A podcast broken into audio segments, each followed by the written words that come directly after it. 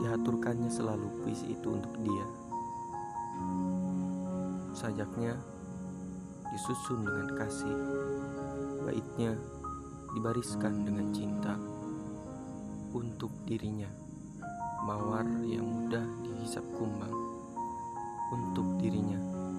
Melati yang mudah dipetik orang. Demikianlah bagi pemuda malang, cintanya hanya penderitaan. Hingga kelak bunga terpinang, maka saat itulah hidup pemudanya dirundung kepiluan yang teramat